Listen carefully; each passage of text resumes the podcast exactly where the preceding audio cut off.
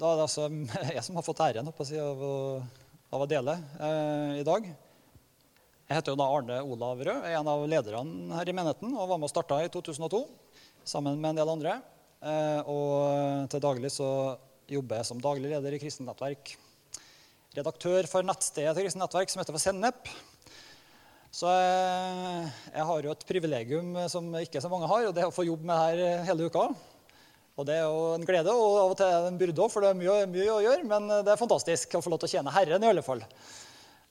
Og de som kjenner meg litt fra før, vet jo at jeg er en, eh, kanskje ikke den typiske forkynneren. Jeg er kanskje mer den der litt nerden. som eh, liker å grave i ting andre syns er litt eh, tungt. Og så prøver jeg å komme opp med noe som er med å hjelpe folk til å være frimodig med det vi tror på. Så De siste seks, sju, åtte, ni årene så har jeg vært veldig interessert i trosforsvar og apologetikk. Og jeg føler det litt som et sånn livskall å prøve å ta tak i mye av tingene der og oversette til vanlig norsk, sånn at flest mulig kan forstå det. Og at, ikke minst at flest mulig skal forstå at det som vi tror på, det er robust, det er slitesterkt, og det har relevans og viktighet den dag i dag, uansett hva vi hører rundt oss. Ikke bare fordi det er sant, men også fordi det er til frelse og til frihet for mennesker. Så I dag så har jeg allerede tatt en runde med de mest ivrige A-menneskene her på den lørdagsbibelskolen som vi har, der eh, overskrifta har vært 'Kan vi stole på Bibelen?' De fleste har vel gjennomskuet at svaret på det er ja når det kommer fra meg. Men eh, poenget er vel mer å komme med argumentene eh, for hvorfor det. Så eh, alle dere som ikke var her, flaks for dere, det ble tatt lydopptak.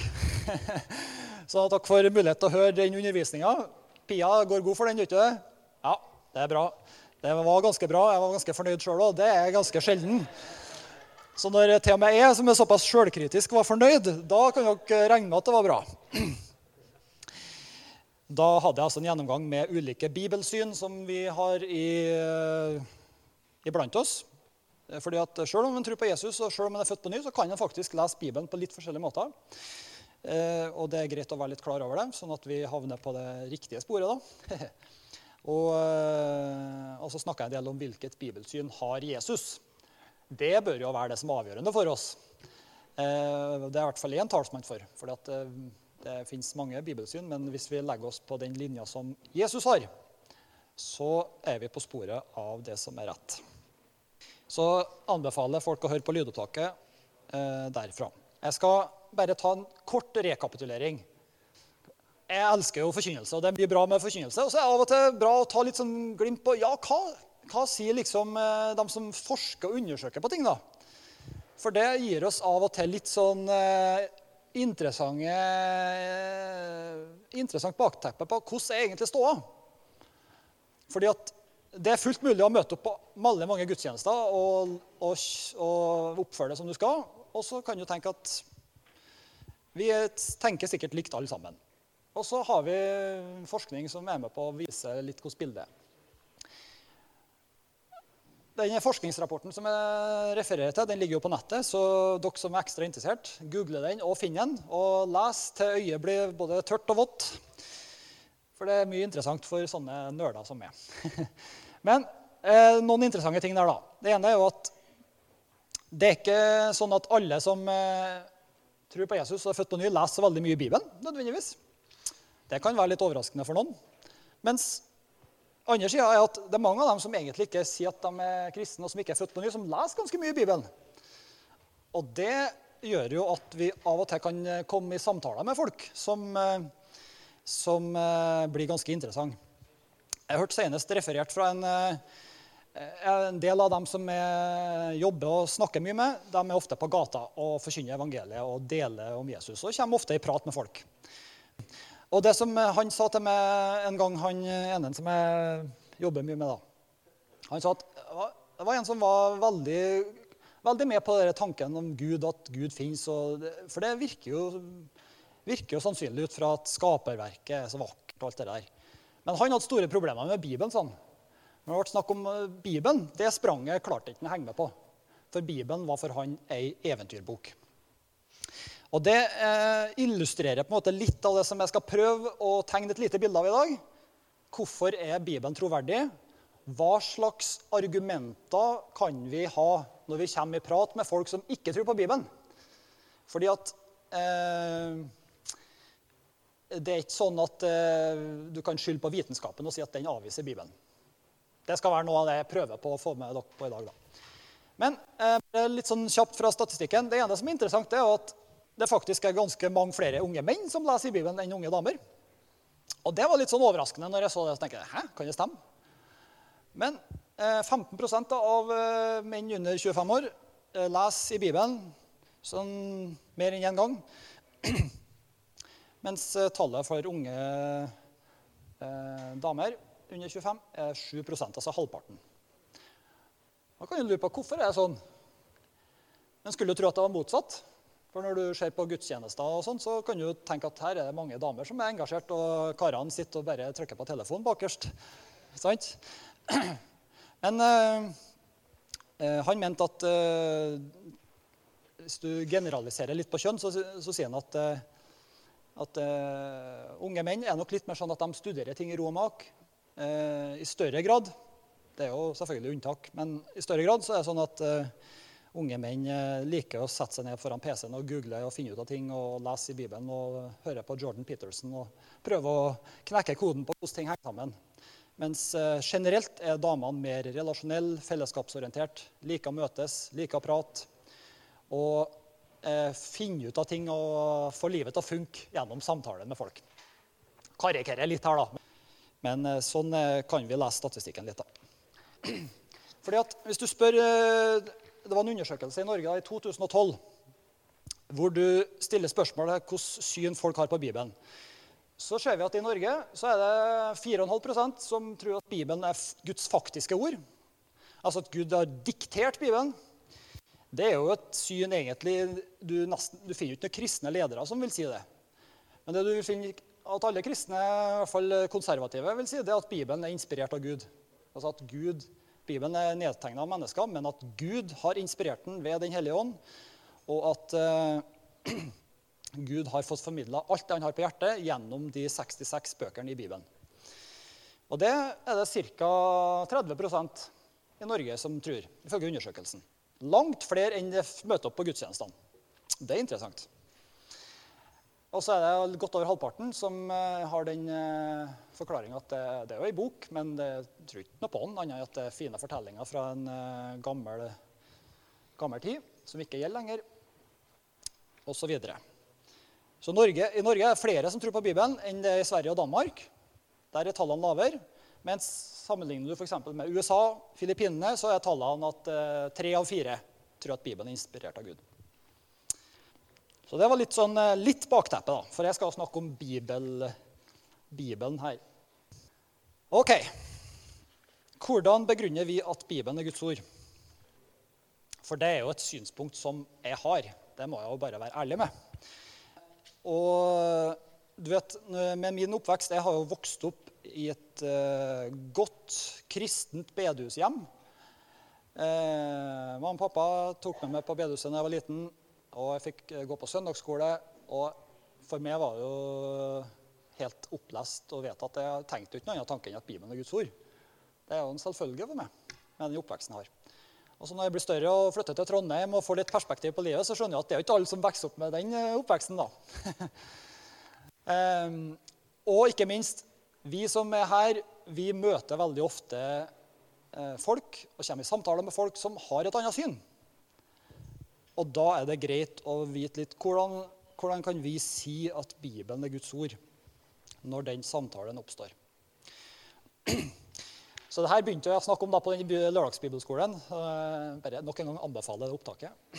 Men eh, eh, det her er på en måte de tre tingene da, som jeg vil si. Det første er at vi, Hvis vi skal først velge et bibelsyn, så er det lurt å legge seg på samme linje som Jesus og lære av hans syn på Bibelen. Fordi at Jesus er jo ikke en hvilken som helst person for oss, men han er vår frelser og herre. Og det vil si at måten han leser Bibelen på, eller leser Det gamle testamentet på, det vil vi legge størst vekt på. Det vil si at hvis Jesus behandler Det gamle testamentet som Guds ord, så vil vi jo gjøre det. Så Det snakker jeg mer om på lydopptaket. Men eh, det andre er at Bibelen er sann og pålitelig alt den påstår. Og da blir jo oppfølgingsspørsmålet ja, hva er det han påstår? Jo, det må han jo finne ut av. Men, eh, men, det er et sånn eh, generelt prinsipp da, at vi må, vi må, lese den, og så må vi tolke den ut fra de tolkningsnøklene som Guds ord gir oss. da. Men det jeg egentlig tenkt å snakke mest om her nå, det er jo at vitenskapen og erfaringa er med egentlig på å forsterke Bibelen sin troverdighet. Det er det jeg har tenkt å snakke om med dere, og det er mest for å gi litt sånn faktaopplysninger. For å kunne, for å kunne ha noe i baklomma når samtalen dukker opp. Høres det OK ut å snakke om sånt? Ja, bra. Altså, når du leser Bibelen 66 bøker skrevet over eh, Altså, den dekker jo flere tusen år periode. Eh, den, eh, de eldste skriftene i gamle testamentet dateres til rundt sånn 600-700 år før Kristus. Og de yngste er jo da rundt år 100 etter Kristus. Så det vil si at I løpet av en periode på 800 år er tekstene nedskrevet, og de har mange forskjellige sjangre. Og hvis du da åpner den boka og ikke helt vet hvordan i all verden skal jeg lese det her For det er jo, det er jo lovsamlinger, det er historie, det er profetier, det er visdomslitteratur, det er, det er kjærlighetsode i høysangen, ikke sant? Det er ordspråk. Og det er biografier om Jesus, som vi også kaller evangelier. Og vi har brevlitteratur. Så er det fort gjort å tenke eh, Jeg klarer ikke helt å henge med på hva slags bok er dette her og det enkleste å med eventyrbok. Men det som er hovednøkkelen for oss, det er jo at Bibelen handler om Jesus Kristus. Og at, eh, kort fortalt da, at, at Bibelen vitner om Han. Så det jeg snakker om eh, på dette opptaket, så vi går videre. Nå hopper jeg på en måte litt over det som er, det som er Bibelens indre vitnesbyrd om at Bibelen handler om Jesus. At Bibelen handler om at Jesus oppfyller alle profetiene i Det gamle testamentet, og at eh, Jesus holdt Bibelen for å være Guds ord, og at Jesus sa og autoriserte apostlene til å Han sa at eh, Den hellige ånd skal veilede dere den hele og fulle sannhet. Han skal lære dere alt det som jeg har befalt. Og dermed så begrunner vi at Det nye testamentet og dens forfattere er inspirert av Gud, og at Det nye testamentet også er Guds ord. Men når vi kommer til de ytre argumentene, så er det på en måte tre ting som jeg har lyst til å snakke litt om eh, der. Det er hovedpoenget her nå. Første punkt når det kommer til en samtale med en ikke-kristen som, eh, som, som, eh, kommer med den eh, oppfatninga at Bibelen er eventyrbok, det er at en må forstå hva Bibelen prøver å si noe om. La meg ta et eksempel. Eh, ofte når det blir eh, snakk om eh, i møte med folk som har eh, prøvd å sette seg litt inn i ting for å sette fast vi som er kristne, så henger de så ofte opp i f.eks. Eh, spørsmålet 'Hvor gammel er jorda?' For eksempel. Jeg leser i hvert fall det veldig ofte på nettet at eh, Big Bang er med på å motbevise Bibelen, fordi at kristne, mange av de kristne tror at Bibelen er, jorda er 6000 år, og det har jo vitenskapen for lengst avvist. Ergo vitenskapen er med på å avvise Bibelen. Og Du kan ta flere eksempler på, på spesielt de eldste historiske opplysningene i Bibelen. Da. Men så eh, blir jo her fort et spørsmål om ok, men hva er det egentlig Bibelen prøver å si noe om? Fordi at hvis vi eh, går i den fella at vi skal prøve å bruke Bibelen som en vitenskapsbok, så kommer du aldri til å forstå poenget med den uansett. Nå skal jeg prøve å ta dere med på en sånn historisk reise. da. Nå, nå tar jeg skikkelig sats her. Nå får det helt greit å sette nerdegenet på meg. da. Men hør her. Moderne vitenskap oppstår rundt år 1700 ca. Sant? Da begynner han å løsrive eh, vitenskapen fra Guds tro. Og det narrativet som vi hører, er at da forsvant vi ut av den mørke middelalderen. Nå starter opplysningstida. Nå skal folk virkelig begynne å finne ut av hvordan verden henger sammen. Sant? Og det er jo et eh, besnærende, en besnærende fortelling som mange kjøper i dag. Men det er veldig mange problemer med den. første problemet er jo at, at eh, for det første så, Når du går tilbake til perioden før 1700, så er det jo masse forskning. Det er masse vitenskap. Det er masse universiteter som blomstrer opp over hele Europa. Under en epoke som da kalles kristen. Sånn at det, det fortellinga om at kristendommen er vitenskapsfiendtlig, den stemmer egentlig ikke med det som historien viser. Det er én ting. Den andre tingen er at, eh, at det er en konflikt mellom tro og vitenskap. Det er egentlig ikke Det er en ny konstruksjon. På den måten at folk har lest Bibelen i flere tusen år uten å ha noe konflikt med tingene der. En har tenkt at en sånn vanlig eh, ting folk har sagt, er at Gud har skrevet to bøker. Det ene er Bibelen, og det andre er naturen.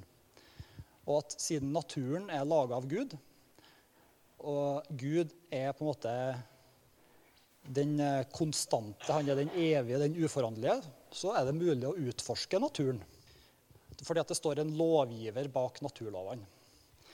Så det er på en måte mange vanskeligheter med, med å kjøpe den historien om at uh, om at vi eh, opplysningstida brakt liksom eh, folk ut av mørket. Det er litt mer sammensatt. Så har Kirka gjort en del dumme ting òg. Det kan vi innrømme. Men Kirka har gjort veldig mye bra innenfor forskning og vitenskap. Mange av de store filosofene for eksempel, de kommer fra den tida der. Men vi skal prøve å snakke om Bibelen. Nå er jeg nesten så jeg rota meg bort. Men på, eh, Bibelen, da. Bibelen er ikke en eh, vitenskapsbok, sånn som vi tenker moderne vitenskap, hvor du, må, hvor du, prøver å ta Gud ut av hele regnestykket for å finne ut hva som egentlig er sant. sant? Det er sånn som moderne vitenskapsfolk tenker. Det kalles naturalisme. Du må ta ut Gud for å finne ut hvordan verden henger sammen. Problemet er bare at hvis du skal lese Bibelen, så må du forstå at den er skrevet i en annen tid. Den er skrevet ut fra at Gud fins. Og at ikke bare at Gud fins, men at Gud er grunnlaget for at vi kan si at noen ting er rett og sant. Og det er sånn som folk våkner litt på. Fordi at Noe av de sterkeste argumentene for Gud det er at hvis ikke Gud fins, så har vi heller ikke noe grunnlag for at noen ting er rett, noen ting er galt. Sant? Gud er den beste forklaringa på objektiv moral. Og eh, det er sånn som folk kan skjønne. At eh, OK, du tror ikke på Gud? Nei. Nei, Da tror du kanskje ikke det er noe som er rett eller galt, da. Nja Ja, f.eks. voldtekt, overgrep, massehenrettelser. Syns du det er greit? Nei. Ja. Hvor begrunner du det, da? Nei Vet ikke helt. Sant? Men der vil vi som er kristne, kunne være mye mer standhaftige og si hør her, det er noen ting som faktisk er rett, det er noen ting som faktisk er galt. Uansett hvordan det skjer, uansett med hvilken begrunnelse det skjer. Der, og der, eh, En av de første han som oppdaga det, var en som het Friedrich Nietzsche på 1800-tallet. Han sa at ingenting er fakta, alt er bare tolkninga sine. Så han skjønte konsekvensen av å ta Gud og kristendommen ut av hele beregninga. Så hva har det her med bibelteksten å gjøre? Nå koker jeg vel i hodene på hver, men nå skal jeg prøve å komme til poenget. Poenget mitt er bibeltekstene baserer seg hele veien, helt tilbake til første Mosebok, så vil du kunne finne forskning og vitenskap som er med på å støtte under at historiene skjedde. Du finner måter innenfor forskningen å si at eh, for det første at eh, jorda har en universet har en begynnelse. Eh, Big Bang var jo først stempla for å være for kristen, så den ble avvist av mange andre vitenskapsfolk og latterliggjort for at den virka altfor kristen. hele tankegangen. Men nå sier de jo ikke det lenger, da. Men når den først kom, så ble den stempla for å være for kristen. Og Mange av de andre historiene i første Mosebok finner du du finner grunnlag for å si at de har skjedd historisk. Men poenget er at det er ikke det viktigste ved dem. For å forstå hva Bibelen handler om, så må du skjønne at Gud er først og fremst opptatt av å fortelle oss noen åndelige sannheter. Eller for å snakke et sekulært språk moralske og eksistensielle poenger. For Hvis du bruker ordet åndelig, så er det jo stempla med en gang. Da er det jo per definisjon ikke tilsnakkende. Men uh, bruker ordet moralsk, eksistensielt, ja, det høres, det høres, ganske smært ut, ikke sant? Men, uh, men det, det, du må skjønne at Gud han vil fortelle oss noe med de historiene. Sant? Han vil fortelle oss noe om storflommen, han vil fortelle oss noe om skapelsesberetninga. Han vil fortelle oss noe om Adam og Eva. Han vil fortelle oss noe om Abraham, Isak og Jakob. Og Moses og Exodus fra Egypt. Og det er der mange går vill i sin bibellesing, med at de tenker aha, vitenskapen klarer ikke å bekrefte alt som står der. Fordi at vi har ikke arkeologiske funn. Sant? Det er Folk som googler og leser litt, vil, vil si det. Men eh, poenget er at ja, du har indikasjoner på det. De er ikke så sterke, men du har indikasjoner. Men det er egentlig ikke det viktigste ved historien uansett. For det viktigste er hva vil Gud si oss som er evig sant? Det er ene tingen. Den andre tingen er hvordan peker det mot Jesus, at han er verdens frelser. Det er det viktige ved historiene. Og det er det det er kanskje litt vanskelig å forklare for folk ut fra den litt intrikate forklaringa jeg ga nå. Men eh, hvis du klarer å forenkle det litt, så er det det som det handler om. i hvert fall da. At eh, Bibelen er skrevet ut fra at det handler om hva Gud vil gjøre gjennom Jesus, og hvordan vi blir forandra gjennom det. Og så er de historiske hendelsene det er på en måte innramminga. Men, det, men eh, det, ikke, det, ble et villspor å ettergå Bibelen og tenke haha, den er ikke skrevet som en moderne vitenskapsbok. For det, det var ikke det viktige for de forfatterne da. Halleluja. Ja, eh, vi prøver videre. Syns dere, jeg syns kanskje dette var litt vanskelig. La meg ta noe som er litt enklere, da. Jeg tok det vanskeligste først. At Bibelen er ikke en vitenskapsbok. Men hvis vi går videre til neste punkt av og til så får en jo høre at, eh, at, Bibelen er eventyrbok, og at det, det er legender av ting som ikke har skjedd. Og det var en tanke de hadde veldig sterkt for 200 år siden. Da starta den eh, liberale bibelkritikken, hvor en eh, antok at det meste som skjedde før eh, israelsfolket var i Babylon, er bare oppdikta. Og at mye av historiene om Jesus òg er oppdikta. Og, eh, og, det gikk litt sånn prestisje òg, selvfølgelig, i å avsløre at Bibelen tok feil. Det var noe av drivkrafta til mange av forskerne òg. At det lå litt prestisje i å avsløre at Bibelen tok feil. Problemet er bare at jo Hvis en følger bibelforskninga de siste 200 årene, så er det et motsatt bilde som avtegner seg.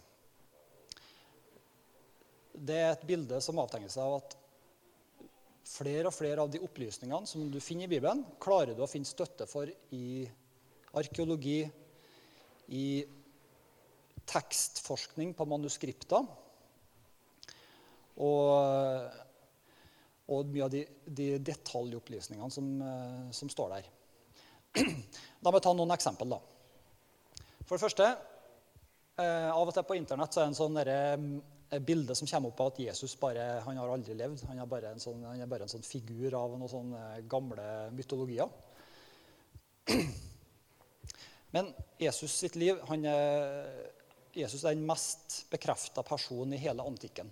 Det fins mange kilder til hans liv, eh, ikke bare evangeliene, men flere historikere som ikke deler vår tro. De bekrefter at Jesus levde. Det er én ting. Og så er det selvfølgelig historisk, en historisk hendelse som er mer avgjørende enn alt annet. Og det er at grava var tom. Det har vi jo hatt sånn eh, troskafé om òg. Men eh, den, den, tomme grava, at grava var tom, det, det er egentlig godt dokumentert. Både i Bibelen og utenfor Bibelen. Og i den grad kritikere prøver å, å imøtekomme den, så handler det ikke om at grava at det lå noen der, men det handler om andre bortforklaringer. Men at grava var tom, at Jesus har stått opp, det er en hendelse som alle forfatterne i Det nye testamentet legger all sin prestisje og all sin integritet i å bekrefte at det skjedde, og at det har universelle konsekvenser for eh, hvordan vi tenker om verden. Så det er én ting. La meg ta et par eksempler til. Jeg skal ikke plage dere med, med altfor mye, mye detaljer. Men eh, jeg skal ta et par eksempler til. Det ene er Komran-rullene. Komran er jo da et sånn område i Israel attmed Dødehavet. Hvor eh, I 1947 så gjorde de et funn av Det var en gjetergutt som eh, kasta en stein innom hula. Og så fant han, eh, fant han ut at her var det jo masse forsegla krukker med tekstruller inni som var bevart.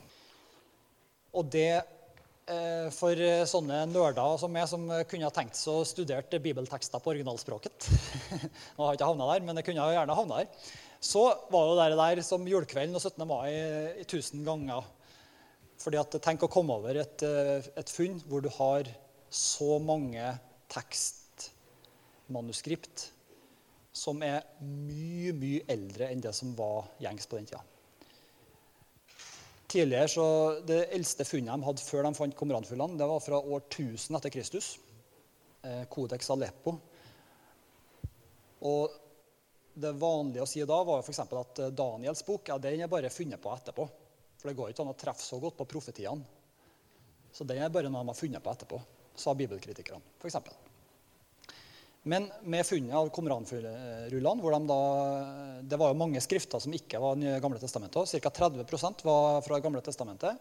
Og i store og hele så er det med på å bekrefte at Det gamle testamentet er stort sett sånn som det foreligger hos oss i dag. Mye av kritikken om at ting har blitt redigert etterpå, falt sammen. Og eh, bl.a. kritikken mot Daniels bok. Da. Så det var ett, et eksempel på hvordan bibelforskninga er med på å tegne et bilde som egentlig i hvert fall er like. da. Og det at Bibelen er troverdig, og at den har ikke blitt forandra på, og at opplysningene stemmer. Det finnes masse annen forskning på dette òg. Du finner eh, oldtidsforskning og arkeologi som er med på å bekrefte mye i Det gamle testamentet.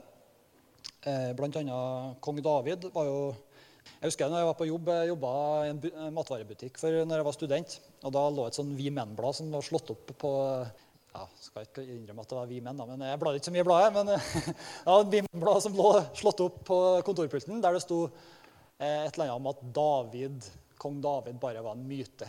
Sant? Han har aldri levd på ordentlig, sto det.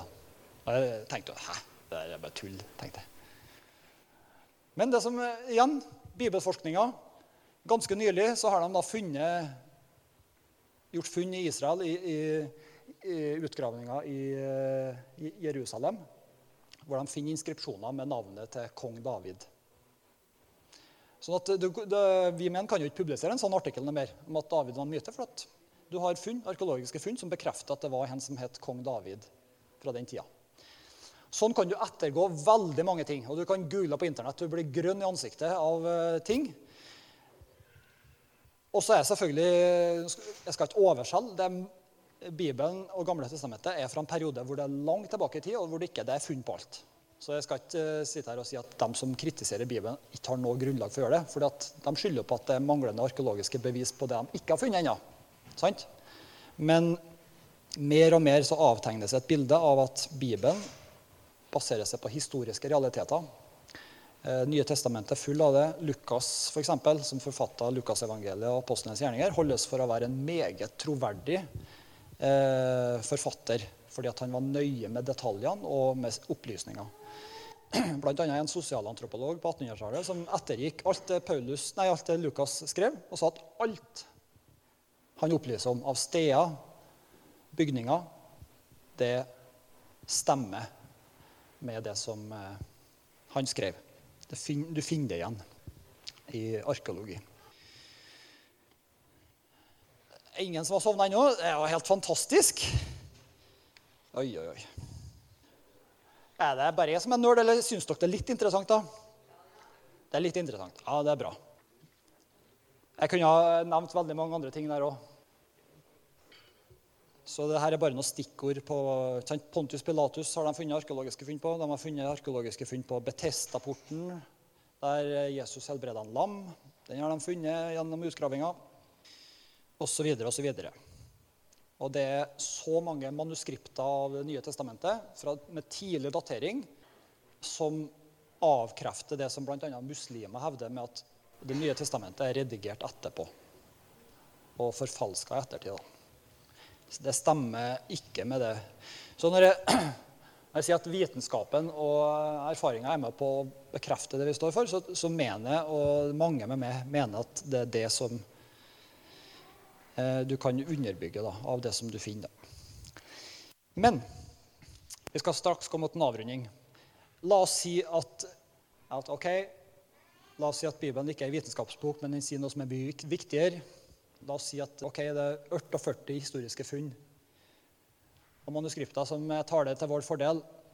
So what? kan du tenke. Og det er mange som tenker.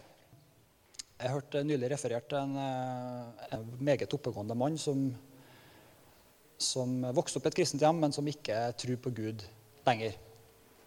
Og Han sa noe om Bibelen som beit meg litt merke Han sa at eh, Bibelen er fantastisk.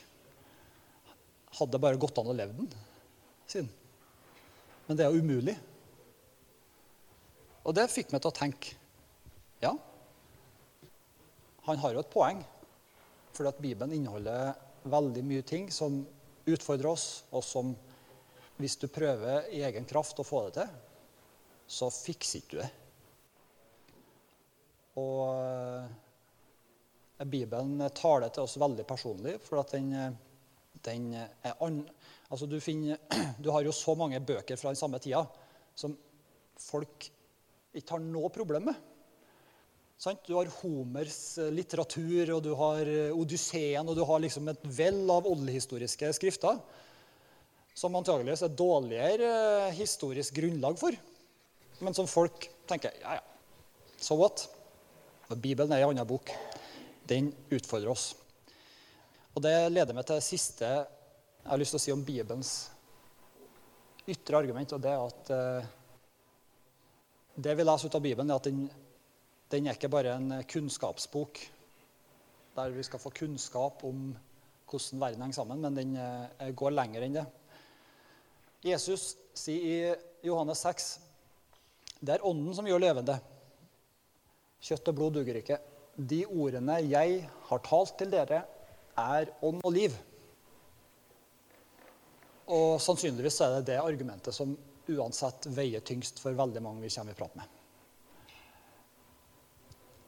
Jeg har i hvert fall eh, til gode ennå å se noen som blir så overbevist av alle historiske funn og la, la, la, la, la at, eh, at det velter hele verdensbildet deres. Men det sterkeste vitnesbyrdet er at mennesker blir møtt av Gud. At mennesker får livet sitt forandra. Og ikke nødvendigvis eh, Ikke nødvendigvis det at vi blir så utrolig imponerende i at vi får til alt. Jeg husker når jeg var i militæret Det begynner å bli mange år siden. når jeg var i militæret, så Da skjedde mange ting. Vi var i Kirkenes. Og eh, blant, blant annet så ble jeg kjent med noen som eh, Når jeg dro til Kirkenes, så måtte jeg ta fly. vet du. Og på de flyturene så kom jeg i prat med folk, og jeg kom annet i prat med ei dame som, som kjente noen som hadde noe sånn alvorlig hjerne... Om det var kreft eller hva det var. noe sånn, Nei, motorsykkelulykke da, ja. Så jeg var på tur til å få en alvorlig hjerneskade. Og jeg sa til yes, jeg skal være med og be for at det skal bli helbredelse. Sant? Det skal, skal skje et mirakel her. Kom igjen. Ja, det må vi be om, hun. Hun var ei god nordmisjonsdame, så var det ikke noe problem med at jeg skulle be for ting. Så gjorde vi det, og så for jeg på leiren, og så kom det inn en melding et par uker etterpå om at her hadde skjedd et mirakel. Sant? Personen hadde blitt helbreda. Og jeg som 20-åring og jeg ble bare helt over meg. Sant? I tillegg så ble søstera mi helbreda i perioden der, og ting som jeg ba for. Og det var liksom to sånne helbredelser på, en på rappen.